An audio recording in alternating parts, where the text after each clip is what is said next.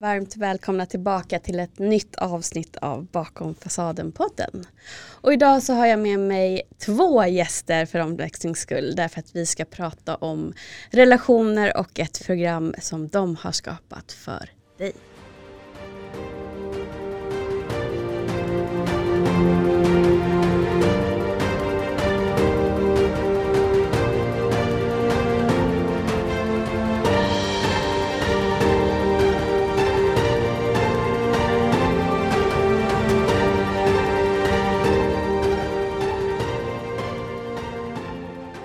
Gästerna har varit här tidigare så jag säger först varmt välkommen tillbaka Madeleine Mofjärd. Tusen tack, så fint att få vara tillbaka här. Jättefint. Härligt. Oh. Jag har verkligen också längtat efter att ha Peter Nilsson här i studion för att vi har inte träffats Nej. face to face tidigare. Nej, men det känns som om jag känner dig redan. Jag Ja. lyssnar på den här avsnitt eh, som du har haft tidigare och eh, så följer jag ju dig på Instagram också. Så att, och sen har Madde berättat så mycket gott om dig. Så att, äntligen säger jag då Exakt. att jag fick möta dig. Ja, så jag ser verkligen fram emot det här. det ska bli jättekul och jag har också varit med som deltagare i en workshop som ni har haft så att vi har ju i alla fall träffats genom skärmen tidigare. Precis. Stämmer. Och eh, eftersom vi eh, har pratat länge om att göra det här avsnittet så har jag också fått förmånen att ta del av eh, ett relationsprogram som ni har skapat med åtta steg. Som jag tycker är väldigt bra upplägg på för att det är väldigt enkelt att ta till sig. Eh, man kan välja om man vill lyssna på en ljudfil eller om man vill titta på Youtube-videor. Och eh, det är precis lagom kort. För att jag tror att det är så mycket tankar som går igång när man börjar fundera över sina egna mönster och också sina mönster i relationer och i relation med andra personer. Så skulle det vara längre avsnitt, säg att det skulle vara en timme per lektion. Då skulle man behöva ta pauser emellan precis som man går på en eh, föreläsning på universitetet eller något Mm. sånt där. Och sen att det också finns då eh, frågor som man kan reflektera över samt att det finns förslag på avsnitt då från, från er podd. Eh, som man kan lyssna om man just tänker att men det här ämnet behöver jag lite mer kunskap om. Eh, men det var min syn på, på det hela. Självklart har jag bjud- bjudit hit er för att ni ska få berätta lite mer eh, om det här och att vi ska diskutera generellt, eh, tänker jag, eh, just det här med olika mönster och hur det kan skapa mer värde i eh, kärleksrelationer. Eh, hur kom ni på att ni ville göra den här kursen till att börja med? Hur kom vi på? Ja, men jag tror att eh, längtan efter att eller jag kan bara prata utifrån mig själv och för mig har det handlat så mycket om att, att liksom min nyfikenhet på mina egna mönster och på mina egna rädslor och beteenden eh, och strategier i mitt liv den har hjälpt mig att, att kunna skapa relationer och framförallt kanske en starkare relation till mig själv men också till dig nu Peter som min kärlekspartner. Att de här, den nyfikenheten har lett mig till, till att skapa vad jag vill säga eh, meningsfulla relationer. Um, och ja, längtan i mig utifrån att skapa det här programmet kom då utifrån att få vara med och hjälpa andra människor att också ta del av de här nycklarna och insikterna som faktiskt har hjälpt mig. Eh, och sen att få göra det då tillsammans med dig Peter har också varit väldigt värdefullt att få, få samskapa det. Eh, och dela också mycket av våra egna erfarenheter i hur, hur vi jobbar i vår relation och i relationerna till oss själva. Mm. Eh, så det är väl den korta versionen tror jag om hur, hur det här eh, föddes, i alla fall i längtan i, inom mig. Och jag kan hänga på den och säga för mig, jag har jobbat i, vad blir det nu, 25 år med kommunikation och förändring och samarbete, mycket ute i organisationer. Och samtidigt har jag även coachat många chefer och andra och då har det funnits en längtan hos mig att också jobba mer liksom, individuellt och eh, mer fokus på relationer. Och sen så märkte jag också när vi klev in i pandemibubblan att eh, jag tappade väldigt många jobb eftersom jag är mycket ute och träffar grupper och jobbar med ledningsgrupper och organisationer. Så, så blev det också ett alternativ att börja titta på hur kan vi göra annorlunda. Att inte vara så beroende av att möta människor och samtidigt är ju både jag och Madde drivna av att vilja vara med och hjälpa människor och skapa förändring. Och då valde vi ut vad vi tycker är några av och det är därför vi kallar dem åtta insikterna. Alltså de viktigaste insikterna vi har med oss eh, när det kommer just till relationer. Och det är alla möjliga typer av relationer. Det är ju inte det är inte bara en kärleksrelation, det kan vara med min familj eller med en vän eller med en kollega eller vad det än må vara. Och eh, därför tog vi fram det här programmet och kände att vi, eh, okej, okay, vi har en pandemi, vi kan inte träffa folk lika mycket och sen ville vi hitta ett alternativ för människor att göra det enkelt att eh, ja, men jag vill ta en lektion om det här nu, kärleksspråken eller det här med jag och du verkar spännande. Då kunna ta det i den egen takt man vill göra det och som du beskrev det också att kunna jobba med integreringsfrågor själv och, och liksom checka av lite hur funkar det här hos mig? Uh, och det är väl det jag brinner för att hjälpa människor att sätta fingret på vad funkar, vad funkar inte? Och i det här fallet relationer då med, med Madde. Mm. En lång eh, förklaring men så var Nej, det. Men det är jätteintressant ja. att höra bara vad, vad det kommer ifrån. För jag, jag upplever att eh, när man som jag är ändå väldigt intresserad av ämnet då, inom både att utvecklas personligen men också om relationer och hur jag agerar i relation till andra människor och eh, också genomgått en förändringsresa så, så blir det ju ofta att man har ändå rört vid de här ämnen kanske på ytan. Eh, en del var helt nya, du och jag, det var ju också därför jag var med på eh, workshopen som handlade mer in, om du och jag eh, sortering. För att det tycker jag var någonting som behöver lyftas fram ännu mer. Det nämns inte lika ofta upplever jag. Ja. Eh, som till exempel den här bilden med isberget, den, den ser man lite då och då på, på social media och eh, kärleksspråken har varit ganska hajpat ja. senaste åren. Um, men och eh, för några år sedan så pratade man om behoven, de här grundbehoven, sex grundbehoven. Mm. Men det som jag tyckte var väldigt skönt var att även om man bara har läst lite grann så man, ah, okej okay, jag vet i alla fall vad det innebär den här så förklarar ju ni också med egna exempel hur ni har sett och hur ni tolkar det.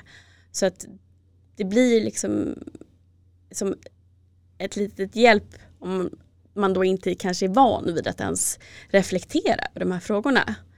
Och eh, sen så tycker jag också att det ska bli intressant att se om jag sen går om kursen om ett halvår. Hur kommer jag reflektera över saker och ting då? Mm. Så jag tror att det, det är jättebra koncept också att man kan spara den och gå tillbaka.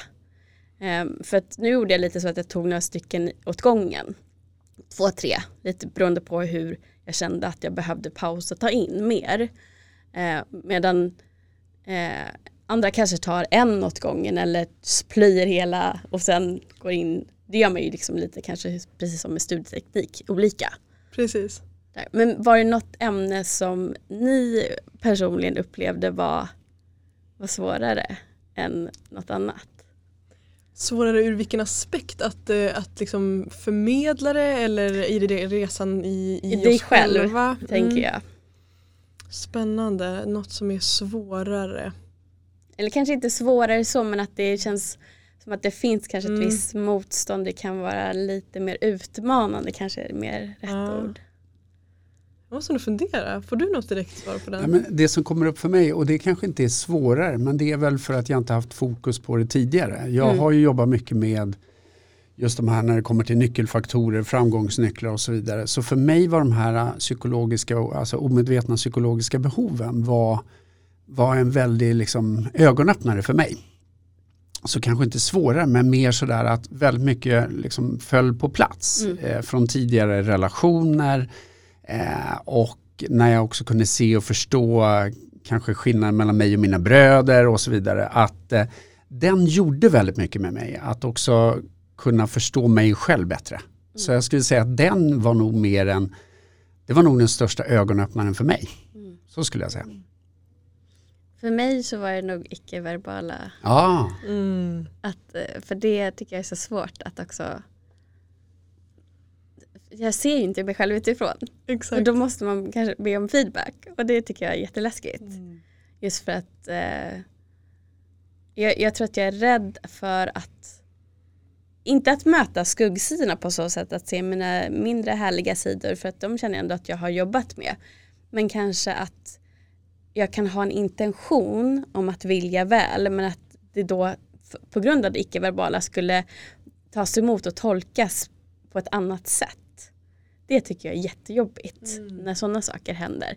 Så då är det så intressant, så den måste jag gå tillbaka till känner jag och jobba lite mer med. För där kände jag ändå att det var ett visst motstånd till att titta på. Ja, men, det- och den är spännande, Där kan det håller jag nog med om. Just att den, den biten, det icke-verbala eh, kommunikationssättet. Det är nog också, får jag säga då, den, den delen av kursen som har varit mest utmanande för mig eller kommit senast liksom in i, i mitt liv som en insikt. Så. Eh, och precis som du säger, just utifrån att jag inte heller ser mig själv utifrån så har det också varit kanske därför det har varit som svårast att komma, komma i kontakt med de mönstren jag faktiskt har haft. Och det får jag också säga har varit så hjälpsamt då att leva i en relation med dig Peter där jag har fått bli, bli speglad i det. Och det har också upplever jag tagit oss i vår relation, eh, och jag vet inte om du håller med mig här, men eh, tagit oss också genom en fas av eh, ja men lite kanske mer skav. Eh, för att när jag öppnade upp för att, alltså under en period då, eh, öppnade upp för att så här, men nu vill jag bli speglad i mitt icke-verbala kommunikationssätt. Så, så blev jag ju det då av Peter. Eh, vilket också gjorde att jag kom i kontakt med mycket delar av mig själv som jag inte tidigare hade sett eller kanske ville se. Så att det blev också tydligt vissa mönster som jag hade som, ja, som också tog upp saker till ytan. Så, så att det får jag nog säga har varit eh, den biten som har varit, jag har kommit in i mitt liv senast. Och, och jag hänger med på den för att det som också har hänt mellan oss i det är ju att jag älskar ju att vi kan spegla varandra men det är också då det kan bli mer friktion. För att igen som du sa, att jag kan ha en positiv intention och jag vill så väl. Men om jag blir så engagerad att mina ögonbryn åker ner och mitt röstläge höjs och mina händer pekar neråt med handflatan och så vidare så kan det ju vara någonting som också avslöjar mycket om mig själv. Vad jag, ja, men nu brinner jag för den här frågan. Men i själva verket så kör jag ju kanske över Madeleine i det avseendet. Att också förstå och få den, för jag tror att jag bara gör någonting bra. Men i själva verket så kommer det ju fel ut genom mitt sätt att då kanske ta över eller liksom bli för mycket. Och, och det är den som är spännande igen, att hela tiden gå till intentionen. Vad är det egentligen jag vill uppnå i min kommunikation? Och vad är det egentligen jag gör? Alltså vad är det man kan titta på? Man står utanför och sen tittar och lyssnar och ser utan att gå någonting på innehållet i vad jag säger, utan huret. Och det är det jag tror väldigt många och framförallt i relationer så lägger vi mer fokus på vadet än på huret. Mm. Och det är där jag tror också att den här kursen som vi har tagit fram är ju vårt försök att plocka ut vad vi tror kan skapa stor mening direkt. Eh, så därför valde vi att ha med den icke-verbala kommunikationen som vi anser är jätteviktig att ha koll på. Vad skulle ni ge för råd då till mig till exempel som tycker att det känns jobbigt och är så mån om att det ska tolkas på samma sätt som min intention är. Um, hur ska man hantera den här lite ängsliga känslan av att nu vet inte jag hur det här tolkas. Jag menar väl, jag vet att jag menar väl, men det kanske kommer fram som till exempel att jag är för passionerad i det jag säger. Eh, säg till exempel att det är en, en syster, min syster kanske till exempel skulle, nu, nu har ju hon sambo och två barn, men säg att hon skulle vara singel och gör val som jag inser det här kan såra henne. Jag tror alla kan känna igen sig att det skulle kunna vara en sån situation. Ehm, och jag ser det utifrån och jag vill stoppa henne för att göra det här misstaget. Så min intention är god men jag kliver ju in på hennes planhalva. Och hur då, vilket råd skulle, ja, ni får välja vem som vill svara eller båda vill svara, skulle ni ge mig i den situationen då att hur ska jag göra då för att framföra det här på rätt sätt? Nu går vi lite in på Mm. du och du, Ja, men det är ja, bra, du-sortering bra. också kände jag men Ja. Mm. Det som kommer till mig direkt eh, och som du är inne på, att precis vi glider också in på jag och du-sortering och den tänker jag kanske att du Peter får gå in på lite djupare. Men det, jag, eh, det som kommer till mig är just det här, på tal om råd kring, till dig då som eh, vill, liksom, ja, vill utvecklas inom det här området. Eh, och du, du använder ordet ängslig, alltså ängslighet, att det kan nästan komma med en liten så här, ja, känsla av eh, ja, jag vill så, vill så väl. Liksom. Ehm, och det, det som kom till mig då var just det här också att att bjuda in liksom snällhet inför sig själv och att ett första steg kan ofta vara just det som eh, du är inne på. Att faktiskt se att jaha, jag har eh, icke-verbala mönster och om de är positiva eller liksom hjälper mig eller hjälper mig eh, att, att ibland behöver vi inte heller ha svaret eller lösningen på en gång eh, utan att bara att ha sett att det finns vissa mönster i mig i hur jag kommunicerar icke-verbalt. Eh, den insikten kan vara ett väldigt bra första steg. Um, och utifrån det så brukar mycket saker hända upplever jag i min egen resa. Mm. Uh, att ibland behöver det inte finnas så mycket konkreta liksom, uh, saker. Så. Um, så det var det första som kom till mig och det andra var att, att, att bli nyfiken och att låta människor i din närhet spegla dig i det icke-verbala. Alltså att faktiskt kanske till och med be om feedback. Mm. Om du har någon person i din närhet som du känner dig trygg med som du skulle kunna tänka dig att ta emot feedback ifrån att, att öppet liksom, ja, men öppna upp inför, eh, inför det. Att eh, jag är öppen för att ta emot eh, feedback på mitt icke-verbala kommunikationssätt. Så det var de två sakerna som kom till mig i alla fall. Mm. Jag hänger på det ja. om det är okej. Okay. Och, och, för en sak som kommer till mig direkt är också att vara tydlig och mer stämma av med den du pratar med. Och det kan också vara så här att om jag känner att jag är jätteengagerad och ska prata med någon då kan jag också vara tydlig till och med i början. Och så kan jag säga det att min, min avsikt nu, det jag vill nu är det här. Jag bryr mig om dig och så vidare. Och det kan komma fel ut för jag känner att det bubblar inom mig nu. Då har jag satt en, någon slags tydlig ram om att mm. min intention är den här, jag vill dig väl. Och jag har också sagt att jag, liksom, det kan komma ut. Eh, så det kan vara ett sätt. Ett annat sätt är att stämma av efteråt.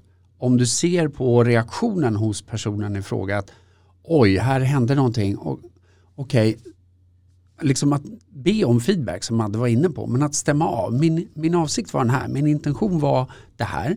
Eh, och jag har full förståelse nu om det kanske inte riktigt landar så med tanke på vad jag tolkar händer hos dig. Så är det någonting du vill ge till mig när det kommer till feedback? För det var det här jag ville. Mm. För jag tror att om vi öppnar upp mer med vår egen tydlighet och vad vi vill, då kommer vi också ha helt andra typer av möten. För det jag menar är att ofta lämnar eh, den icke-verbala kommunikationen så stort tolkningsutrymme. Mm.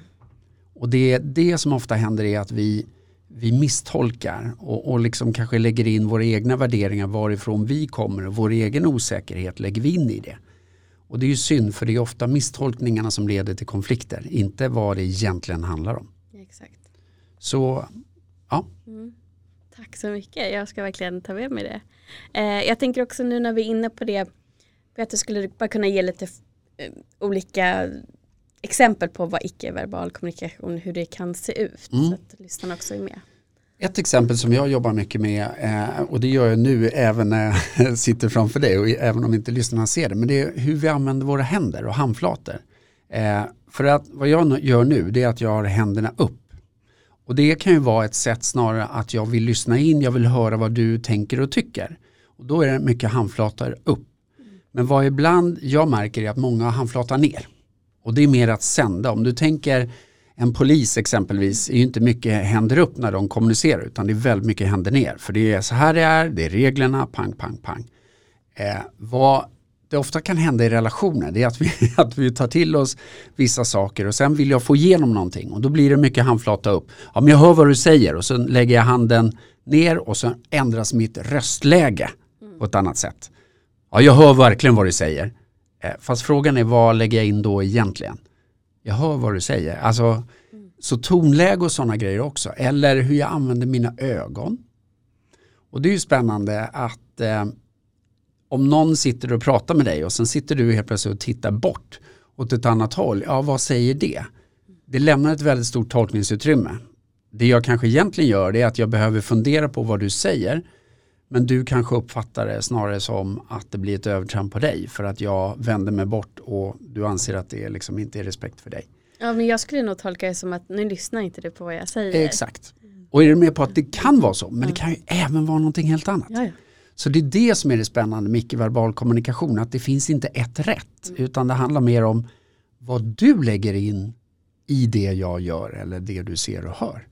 Så att mer att vara observant på ögon, kanske eh, hur jag använder liksom händer, kroppsspråk. Jag får, när jag försöker övertyga någon, då ändras mitt röstläge, jag får en liksom rakare hållning och så vidare. Och det är så spännande att identifiera hos mig själv. Varför sådär? Mm. Är det för att jag själv är osäker eller vad handlar det om? Mm. Men brukar du inte få igenom din vilja då? det vet du väl? ja, det är då det händer. det är då det händer.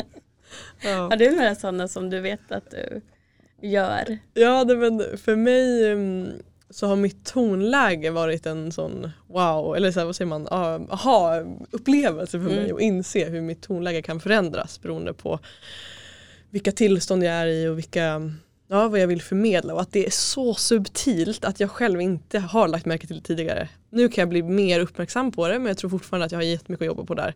Eh, och det kan vara, dels kan det vara i, i, i situationer där jag kanske ett, är triggad. Liksom. Så att till exempel i en, en diskussion vi har eller någonting där, där mitt tonläge, där jag tror att jag säger eh, för att jag har tränat mig så mycket på att liksom, uttrycka rätt saker och som Peter var inne på innehållet, alltså vad Mm. jag säger. Så jag tänker att jag har sagt allting rätt. För det har jag liksom i mitt huvud. Men som sagt, då har jag också kommunicerat med mitt tonläge och mitt kroppsspråk helt andra saker. Så tonläget har varit eh, liksom tydligast för mig. så. Ehm, det kan också komma eh, stunder då jag är eh, så liksom, engagerad, peppad, inspirerad. Eh, och det här är, har jag svårt, fortfarande svårt att förstå i mig själv. Men i de, det är i de tillstånden så vill jag förmedla någonting. Att jag blir så, så engagerad att jag lägger mig till med något tonläge som gör att jag nästan låter lite sur. Mm. Och det har också, just du Peter, speglat mig i att det, det kommer ut på helt fel sätt. För min intention är ju bara, jag är ju inspiration liksom. Men det kommer ut med ett annat tonläge. Så jag skulle säga att tonläget har varit eh, ja, tydligast i mig. Sen finns det säkert massa andra saker som jag inte ser. Eller har lagt märke till. Mm. Spännande ändå att, att börja observera sig själv på det sättet. Att Mm. våga göra det. Eh, jag känner fortfarande att det möter lite motstånd i mig men jag har ju då försökt att så fort jag märker att det är någonting som möter motstånd i mig då min intention för det här året var att då, då är det någonting som visar snarare här behöver jag läka eller i alla fall titta på för att kunna utvecklas. Um, för att jag har varit lite mer sådär eh, personligen nu att nu ska inte rädsla få hålla mig tillbaka överhuvudtaget nu. Fasiken dags att börja leva och inte bara överleva. Det har varit liksom tema 2022 för mig. Och då kanske man tänker först att ja, men, då ska jag göra massa saker som är i med eh, att det öppnar upp, jag kan göra aktiviteter. Men det innebär ju faktiskt också sådana här saker som att lära sig kommunicera på ett bättre sätt för att i sin tur också skapa mervärde i de relationer som jag skapar. Eh, så jag, jag tycker det här är så himla intressant. Och eh, som vi var inne på lite tidigare också, det här med du och jag sortering är också någonting som har varit otroligt värdefullt att få lära mig om. Eh, skulle du kunna prata lite grann bara och för lyssnarna som inte känner till det här alls? Absolut, absolut. Och innan jag gör det vill jag också bara säga en sak. För att vad jag tror är viktigt att ha med sig i det här det är att också ha lite kul med det. Ja, Att någonstans sätta en, vad vi kallar lite experimentram. Att ha lite kul och träna på det. För ibland tror jag att det är lätt annars att vi kliver in med för mycket allvar och ah, du sa fel, du gjorde så med handen och så vidare. Och det är lätt att då läggs det locket på. Då vågar jag inte. Så att snarare kanske bara att, att se det som att vi ska ha kul och utvecklas tillsammans i det här. Eller att jag ska faktiskt ha kul med det här, även om det väcker grejer inom mig. Att bara skapa det för mig själv som ett tips. Eh, när det kommer till jag och du då, och, och jag och du sortering är ju en, en balans skulle jag vilja säga som är så oerhört häftig att ha koll på. För det handlar egentligen om att jag är jag, du är du. Men det är också väldigt lätt att vi gör övertramp på varandra. Det vill säga att vi talar, vi liksom kliver över. Och, och det skulle kunna vara om jag då till Madde exempelvis säger att Madde, du är så trött och du är jämt så sur. Alltså jag sätter en etikett på henne eller jag säger vad hon är eller vad hon känner. Då gör jag övertramp i jag och du. Och ofta kan det här komma ut lite mer liksom subtilt, att vi inte riktigt märker det. Eh, och det kan också komma ut i form av övertramp icke-verbalt. Det vill säga att du och jag pratar om Madde och tittar på varandra. Eh, vi, vi liksom bjuder inte in Madde. Madde har ju varit så trött och så. ja Eller hur? Och så sitter vi och tänker, ja men okej då. Så att det handlar också om att eh, en balans i det här. Och eh, jag och du kan också handla om att jag har ett stort jag. Då tar jag väldigt mycket plats. Det vill säga jag, jag, jag hela tiden. Jag är kanske sämre på att lyssna. Eh, och då har jag ett litet du eller dem. då. Eh, men sen kan det ju vara tvärtom. Och många vi har jobbat med kan ju också ha ett litet jag. Det vill säga de har snarare, nej men ta det du. De är mer tysta, nej jag ska inte sticka ut. De kanske tror mindre om sig själva, tar inte mycket plats i möten, i middagar eller vad det än må vara. Och då är det också att förstå att det går att jobba med jag och du. I vissa kontexter så kan jag kliva fram mer. Ja, men vänta, jag ska säga vad jag tycker, tänker och känner. Eh, ja, en, en snabb beskrivning som gärna du får hänga på Madde eftersom du är inne i det här också. Jag övar på att kliva in i mitt större jag. Yeah. Nej, men, ehm, det, det som är spännande och som kommer till mig när jag hör dig prata om just jag och du-sortering är att det är en, en sån liksom, nyckelfaktor som jag upplever att många människor, inklusive mig själv, när, man först hör, eller när jag först hörde talas om jag och du-sortering så tänkte jag så här, det här är, det är ju självklart hur svårt kan det här vara? Liksom? Ja, ja, du då. Jag, jag är jag och du är du. Eh, it makes sense. Mm. Och sen så var det klart med det. Och eh, det är också en feedback som jag får från många, eh, som vi får från många av de som går kursen. Att, eh, att man kanske kliver in med den känslan inför eh, kunskapen om jag och du sortering. Och sen när man börjar liksom verkligen lägga märke till hur de här övertrampen sker i det verkliga livet så inser människor att helt plötsligt, vänta nu, det sker så mycket övertramp och jag har aldrig sett det tidigare. Um, så att jag upplever också att det är en sån um, ja, en, en insikt som kan, kan, kan ta lite tid att bottna i och att landa i och att verkligen ge det den, den, den, liksom, den tiden att låta det marinera för att verkligen eh, förstå vad det här handlar om. Um, ja, så det kom till mig. Det är väldigt lätt också i relationer att, eh, att det blir mycket övertramp. Att man kliver in och liksom tänker, tycker och känner åt den andra. Och det kan också komma ut av en god intention. Jag vill väldigt väl men också veta var går gränsen. Mm. Eh, och då menar vi, då är det bättre att ställa frågor istället för att ta för givet eller kliva över. Att, men vad tycker du här? För det är också det här att när vi blir engagerade, både jag och Madde, då är det lätt att vi bara kör och då glömmer vi bort ibland att stanna, liksom stanna upp och stämma av. Ja, vänta, sorry Madde, var det här någonting du ville by the way? För nu kör jag bara. Mm. Så att jag vet vad jag behöver träna på och jag, jag kommer från en polis och eh, politikerfamilj brukar jag säga. Eh, så jag har ju lärt mig väldigt mycket också och det är ju någonting som är spännande när vi är barn, att vi tar ofta efter våra föräldrar väldigt mycket omedvetet och har de mönstren i oss tills vi börjar ifrågasätta dem själva. Och jag vet att liksom, jag har använt mycket och tagit mycket plats tidigare och kan fortfarande göra. Men jag förstår också när det funkar och när det inte funkar.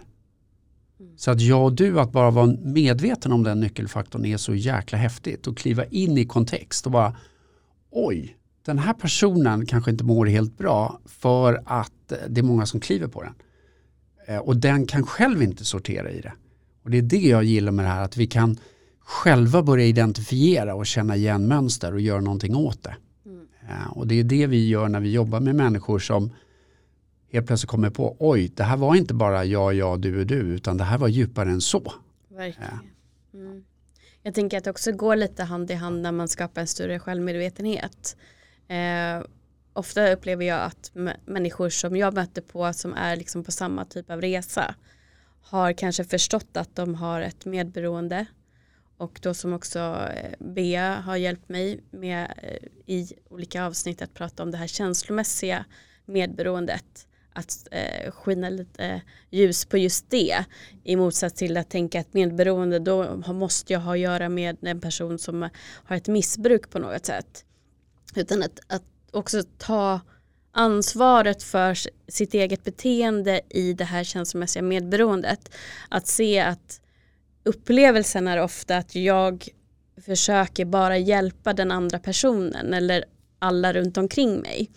Men när man ändå kommer ytan på problemet så upptäcker man också att det är ju en flykt ifrån jaget. En flykt ifrån att se vad jag behöver för att det har jag kanske inte fått lära mig att dels att mina behov är viktiga men inte heller vågat titta på dem utan det är lättare för mig att rättfärdiga att kliva in på någon annans planhalva och hela tiden vara där och peta och fixa och, och liksom göra mig behövd för att jag ska känna att jag är värdefull. Så det blir ju ett ganska djupt fall när man kommer på det här eh, och det kan göra ont. Men samtidigt så, så ger ju det en upplevelse och en, eh, en utmaning i att faktiskt hitta tillbaka till jaget och hitta tillbaka till vilka mina behov är. Och med det upplever jag att mitt behov att klampa in på andras planhalvor minskade. Det är fortfarande någonting jag behöver arbeta med. Men jag kan uttrycka det och vara mer tydlig så som ditt exempel var till exempel att jag kan säga att min intention är god i det här. Jag, jag, vill inte att du ska bli ledsen i den här situationen. Det jag ser och det jag upplever är att du agerar på det här sättet som jag tror kan leda till det här utfallet som jag tror kan göra dig illa. Det, jag lägger inte värde i det här om du gör det ändå.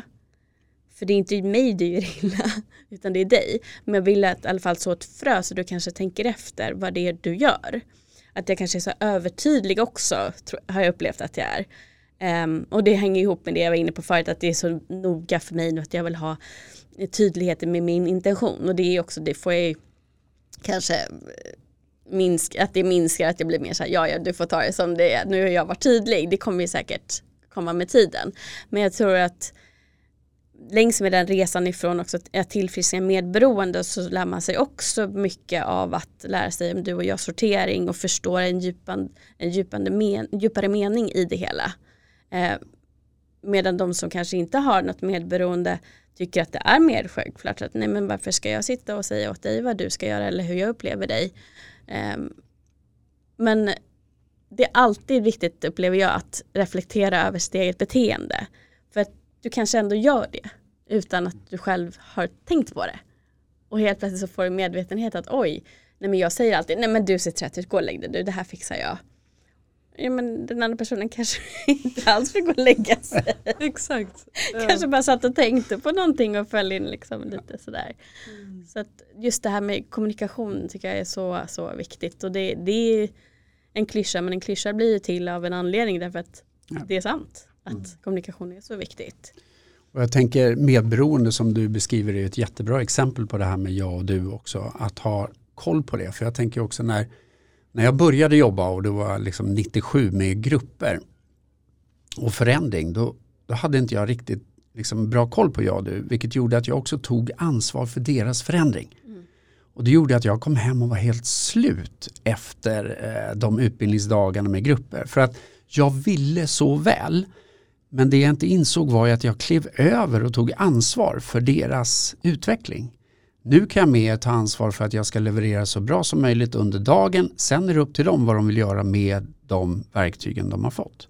Och det är det jag också tror att det blir så viktigt att förstå var går gränsen? För jag kan ju vilja väl men var går gränsen för att kliva in och ta ansvar för någon annan? Mm. Och det är den jag också tror är så viktig som förälder och barn exempelvis. Att det är lätt hänt att föräldrar vill så väl att de också kliver över.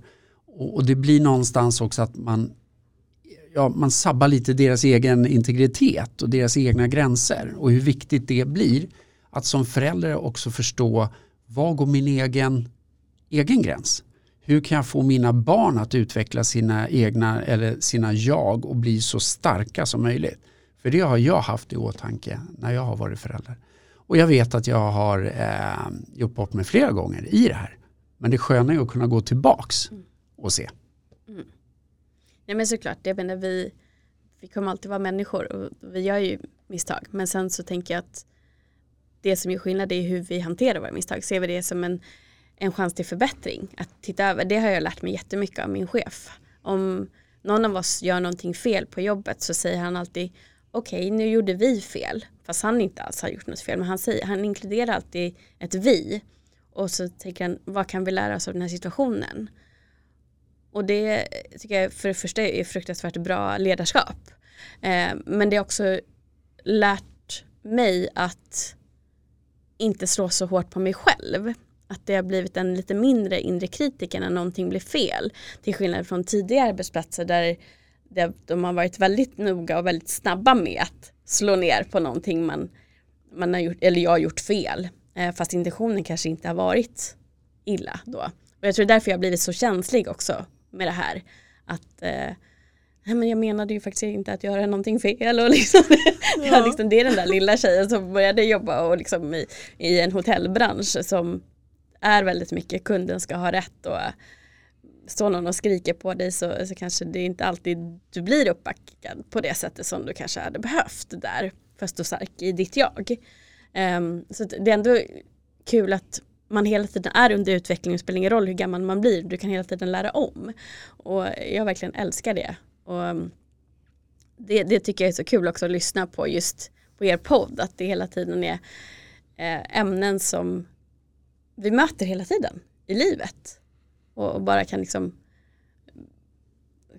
komma upp att just det här, här är det ingen aning om vad som hände. Var, varför blev den här personen så ledsen egentligen? Jag sa ju bara att jag inte ville göra det här med henne. Fast det är inte att jag inte vill göra någonting med henne utan bara jag vill inte göra det här. Och då kanske jag nu när jag vet mer om grundbehoven förstår att nej men, det jag kanske triggade i henne var att hennes behov för sam samhörighet inte blir, eller hon kanske tycker att det är hotat i alla fall. Eh, för att jag har sagt, nej men jag vill inte gå med på den här ridtävlingen för jag tycker inte det är kul att titta på. Eh, då, då känner hon, att nu får inte jag vara med. Sådana saker och har man då ett, en kännedom och en vetskap om just de här grundbehoven som jag också tagit upp tidigare i podden men det tål att repeteras om och om igen så, så tror jag att då, då lär man sig också att se det i andra och kan kanske säga det direkt då att nej men jag, jag tycker inte att det är kul att göra det här men jag vill jättegärna göra någonting med dig. Och då får ju den här personen ändå liksom ett ja till sin vilja att göra någonting som skapar samhörighet. Mm. Vad, vad, tänker du just om de här grundbehoven Madde? Ja, Ja, men det har varit en insikt för mig som har verkligen revolutionerat mitt liv. verkligen kopplat till förståelse för mig själv. Att jag har fått förstå varför jag gör vissa saker. Varför jag har gjort saker eh, på det sättet som jag har gjort genom mitt liv och så vidare. Att jag kan liksom lägga pusslet till varför mitt liv har blivit och är så som det är. Um, och de sex eh, omedvetna psykologiska behoven uh, det är egentligen en, en, teori som bygger på alltså de drivkrafter som ligger bakom de beslut och val och uh, ja, de beteenden som vi har för oss helt enkelt. Varför gör vi människor det vi gör? De här behoven svarar helt enkelt på det. Um, och de sex grundläggande behoven, man brukar säga att vi, alla människor drivs av alla de här sex behoven. Vi har ett, ett behov av dem på olika sätt. Det som däremot skiljer oss åt kan vara de två eller tre primära behoven som vi då drivs utav. Eh, och baserat på vilka våra topp framförallt två toppbehov är eh, så kommer våra val att se olika ut. Och det kan också göra att vi i relationer eller i möten med andra människor krockar.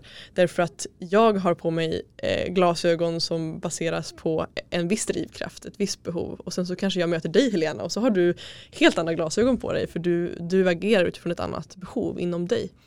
Um, så att det har hjälpt mig att förstå dels mig själv och varför jag gör det jag gör vilket också gjort att jag blivit ännu tryggare faktiskt i mitt jag för att jag har fått förståelse för ah, det, är så, det är därför jag är som jag är. Liksom. Det är därför jag vill göra allt det jag gör. Um, och de, de sex omedvetna psykologiska behoven som vi då pratar om i kursen är eh, nu ska se om jag säger dem i rätt ordning, det spelar egentligen ingen roll men eh, bidra, Alltså behovet av att eh, känna att jag bidrar till, till helheten. Det kan vara människor som är drivna att bidra, använder ofta ord som förändring, alltså bidra till en bättre värld. Liksom. Vi vill eh, inte så mycket fokus på den lilla gruppen, inte så mycket fokus på eh, liksom, ja, den lilla gruppen utan det, vi tänker helhet och stort. Um, sen har vi behovet av utveckling som är behovet av att ja, att, att, att se att saker och ting rör sig framåt. Att vi, att vi, vi har ett, ett mål i sikte och vi utvecklar oss i den, eh, i den riktningen. Så. Eh, och behovet av utveckling, eller alla de här behoven går ju att uppfylla på olika sätt. Så att utveckling kan ju vara ett behov som någon har ett starkt behov att utfylla i uppfylla i en relation eller på en arbetsplats eller i, i träningen eller vilket område som helst i livet. Sen har vi behovet av variation som är eh, precis som det låter, ett behov av variation. Jag skulle säga att det är ett behov som står för mycket effektivitet. Saker och ting ska vara effektiva för vi vill hinna mycket saker och vi vill uppleva mycket olika typer av saker. Um, och människor som drivs av, av variation mycket är oftast också drivna av frihet, att inte bli satta i liksom en box eller alltså autonomi, det självbestämmande är väldigt viktigt eh, utifrån behovet av variation. Här hittar du oss. Precis. du märker vilka, vilka behov jag har börjat berätta om.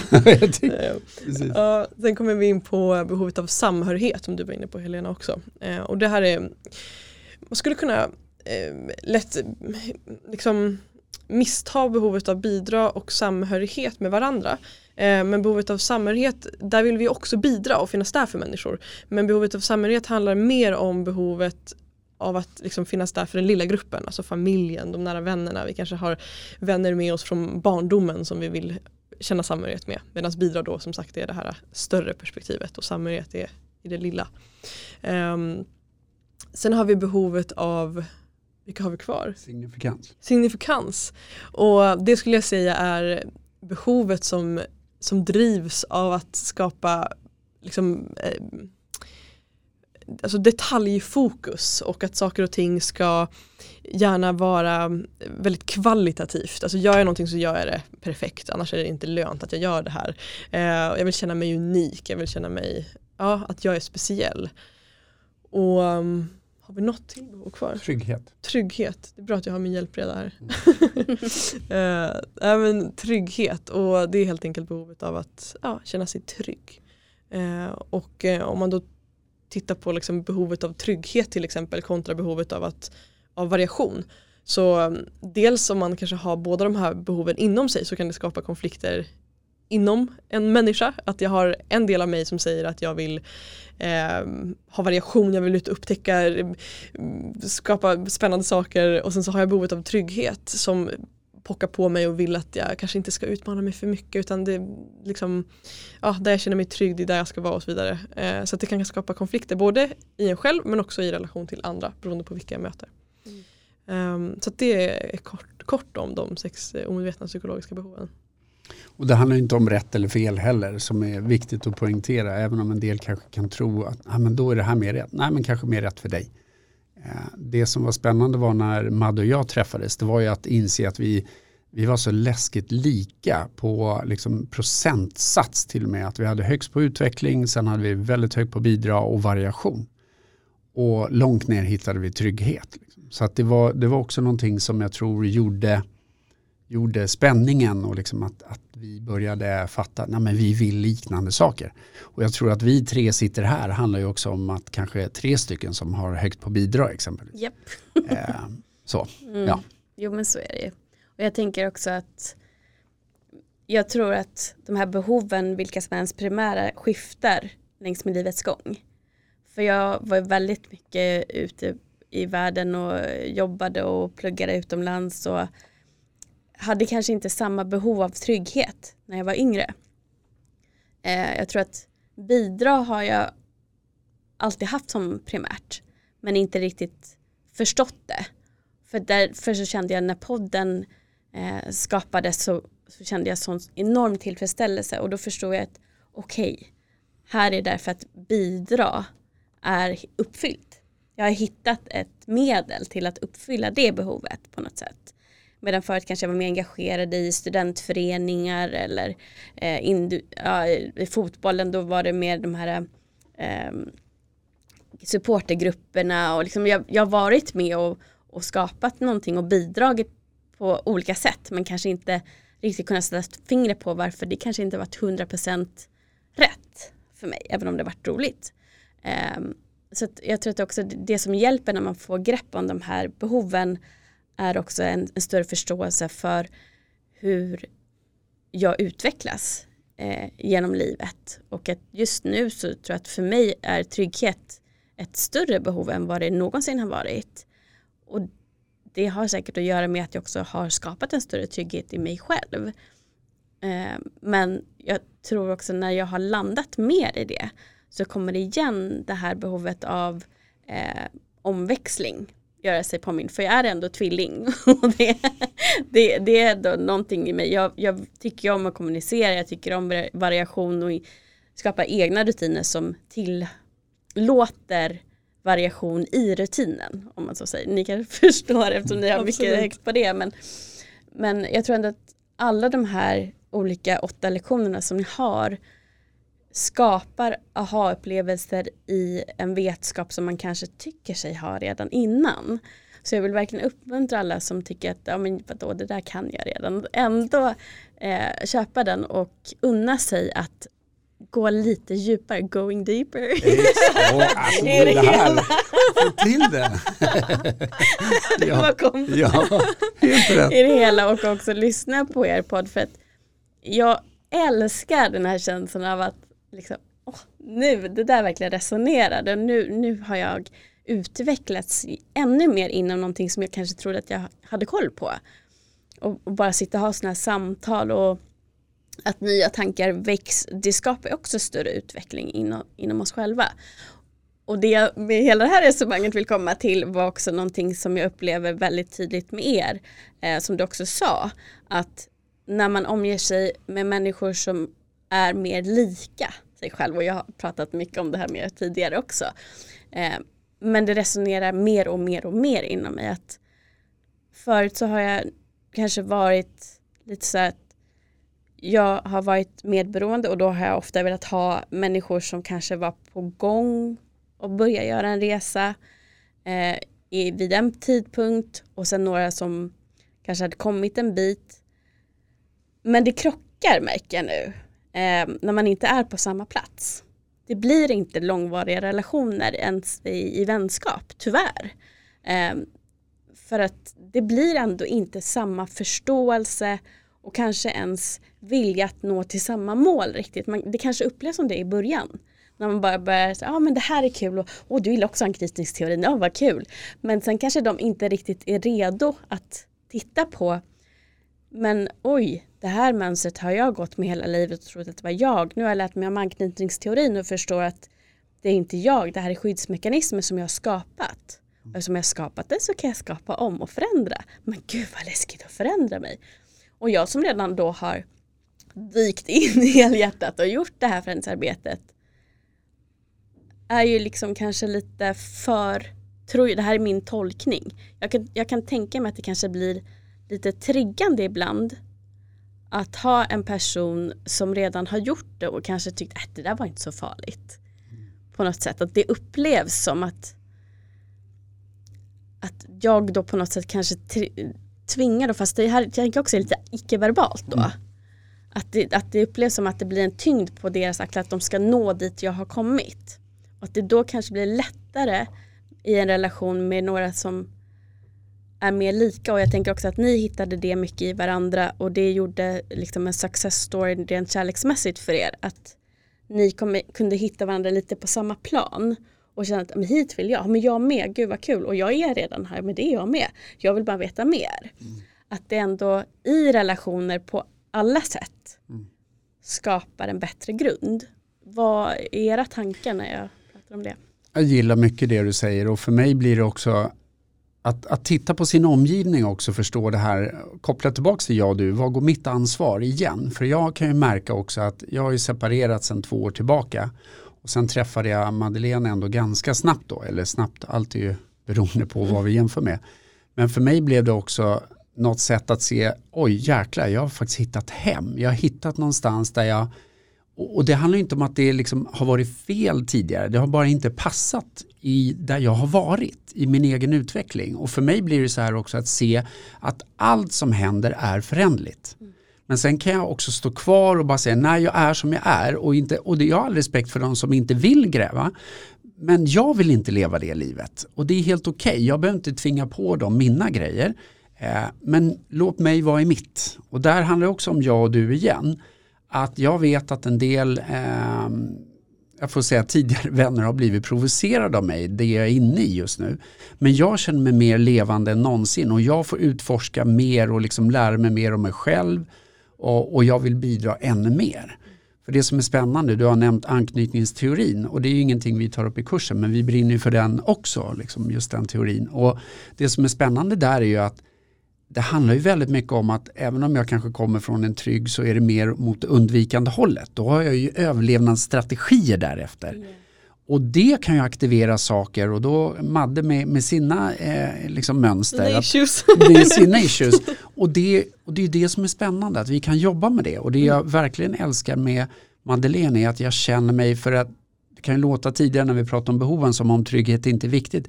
Det är skitviktigt. Jag tror det är viktigt för alla människor. Men i mitt eh, kontext är det viktigt att känna mig att jag kan vara mig själv. Mm. Och det får jag vara med Madeleine. Att jag får känna att jag får vara mig själv med alla mina skuggsidor jag har. Och, och inte bli dömd för det. Och det är viktigt för mig. Och det tror jag är viktigt för, vågar säga, många människor. Eh, att vi vågar stå i det. Men det innebär ju också att vi får stå där det blåser ganska kallt emellanåt. Eh, för världen kanske och vissa ser på oss på ett visst sätt. Vår relation och så vidare. Eh, men det är okej, okay. det är deras grejer. Och det vi har det provocerar säkert många och triggar många. Beroende på vilka sår och vilka mönster de går och bär på.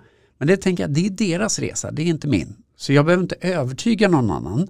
Jag känner att jag kan vara mig själv ordentligt i relation till Madde. Och jag känner att jag läker mig själv. Eh, och det är väldigt vackert. Och det önskar jag liksom alla ska få vara med om i en relation. Och få känna ovillkorlig kärlek och växa i det. För det tycker jag är magiskt.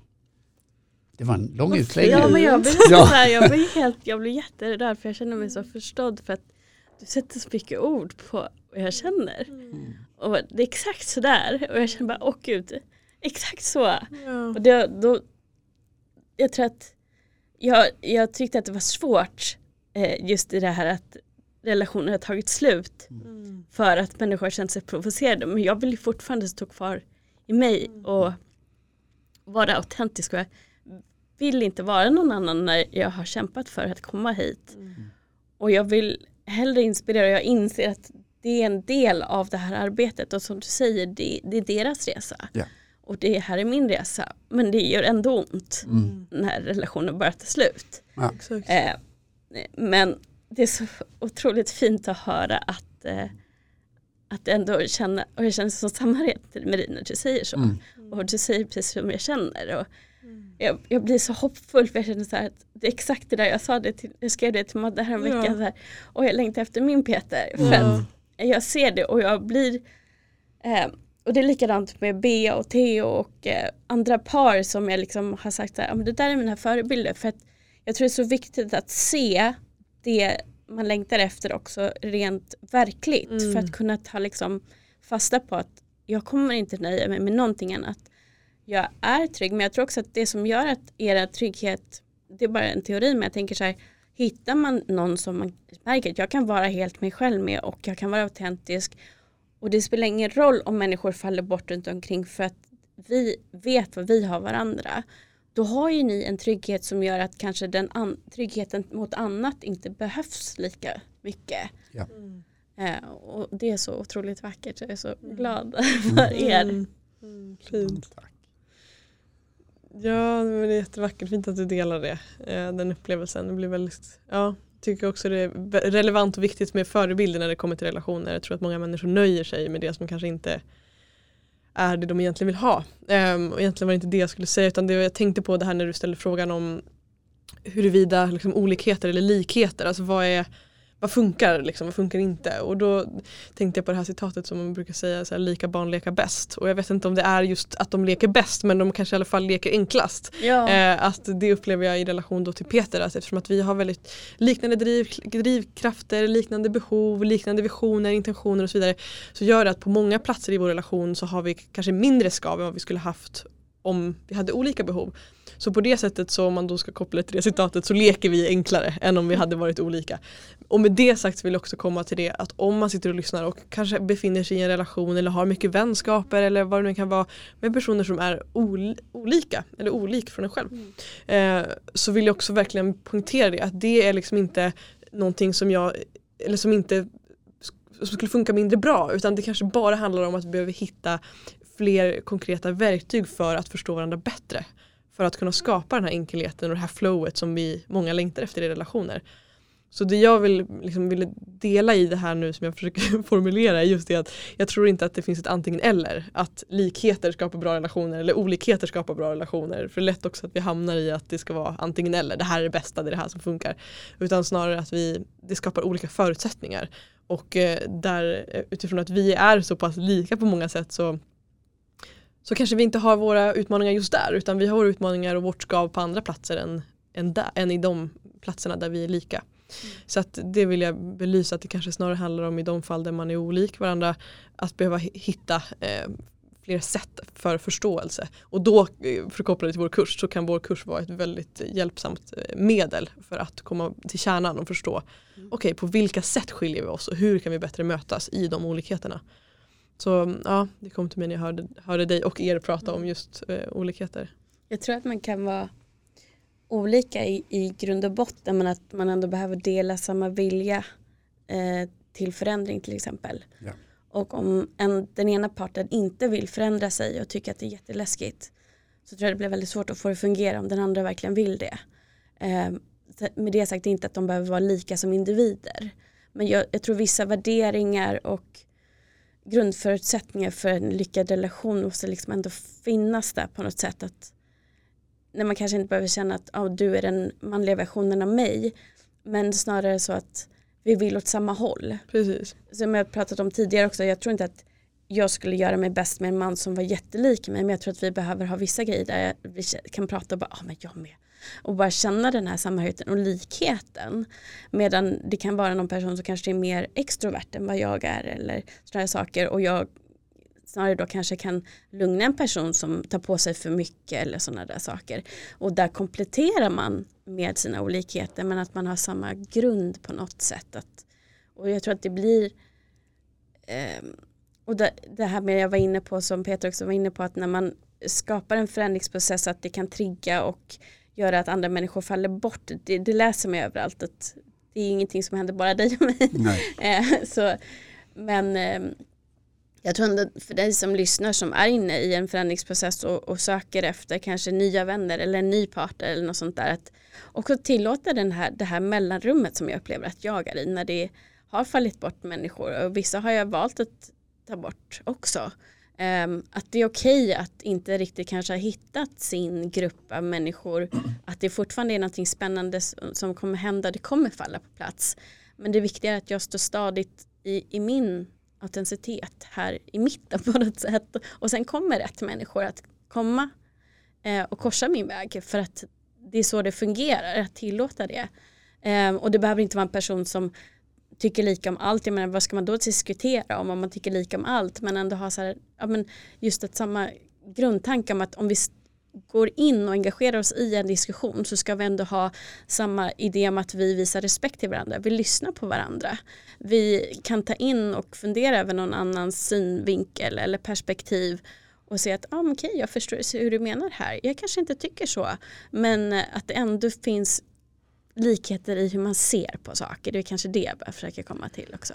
Jag gillar det och, och, för mig blir det också att, att vi har en gemensam intention. Att mm. vi vill någonting framåt. Eh, för har vi inte en gemensam intention då tror jag att det kan bli jobbigt. Så jag håller verkligen med om det och vi behöver inte vara lika hela tiden. Men har vi en gemensam intention och någonting jag verkligen har lärt mig också att om bägge är villiga att göra jobbet Exakt. och göra jobbet med sig själv och att förstå att gör jag jobbet med mig själv så kommer jag förmodligen hamna någon gång också i mycket tvivel och i mycket jobbiga tillstånd och då behöver jag någon som håller mig i det för annars blir det svårt att göra det. Och det är det jag inser också att jag kommer ju, jag är som sagt var lite äldre och har varit, jag har haft en resa och jag har liksom haft mycket tycker jag en, en räkmacka genom livet. Det har gått väldigt bra.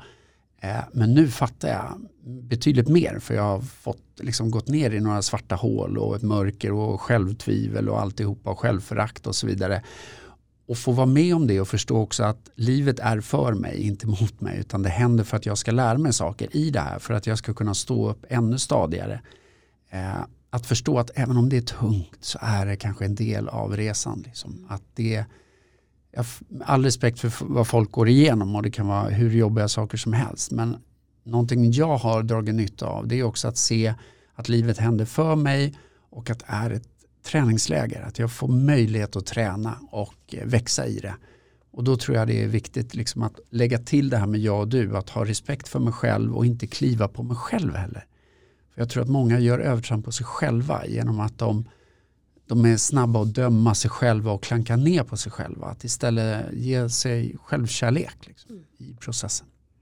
Absolut, jättefint. Jag tänker lite avslutningsvis också att du ska berätta hur man får tag på kursen. Ja, kursen finns att hitta på ja, men vi säger mofjärd.com.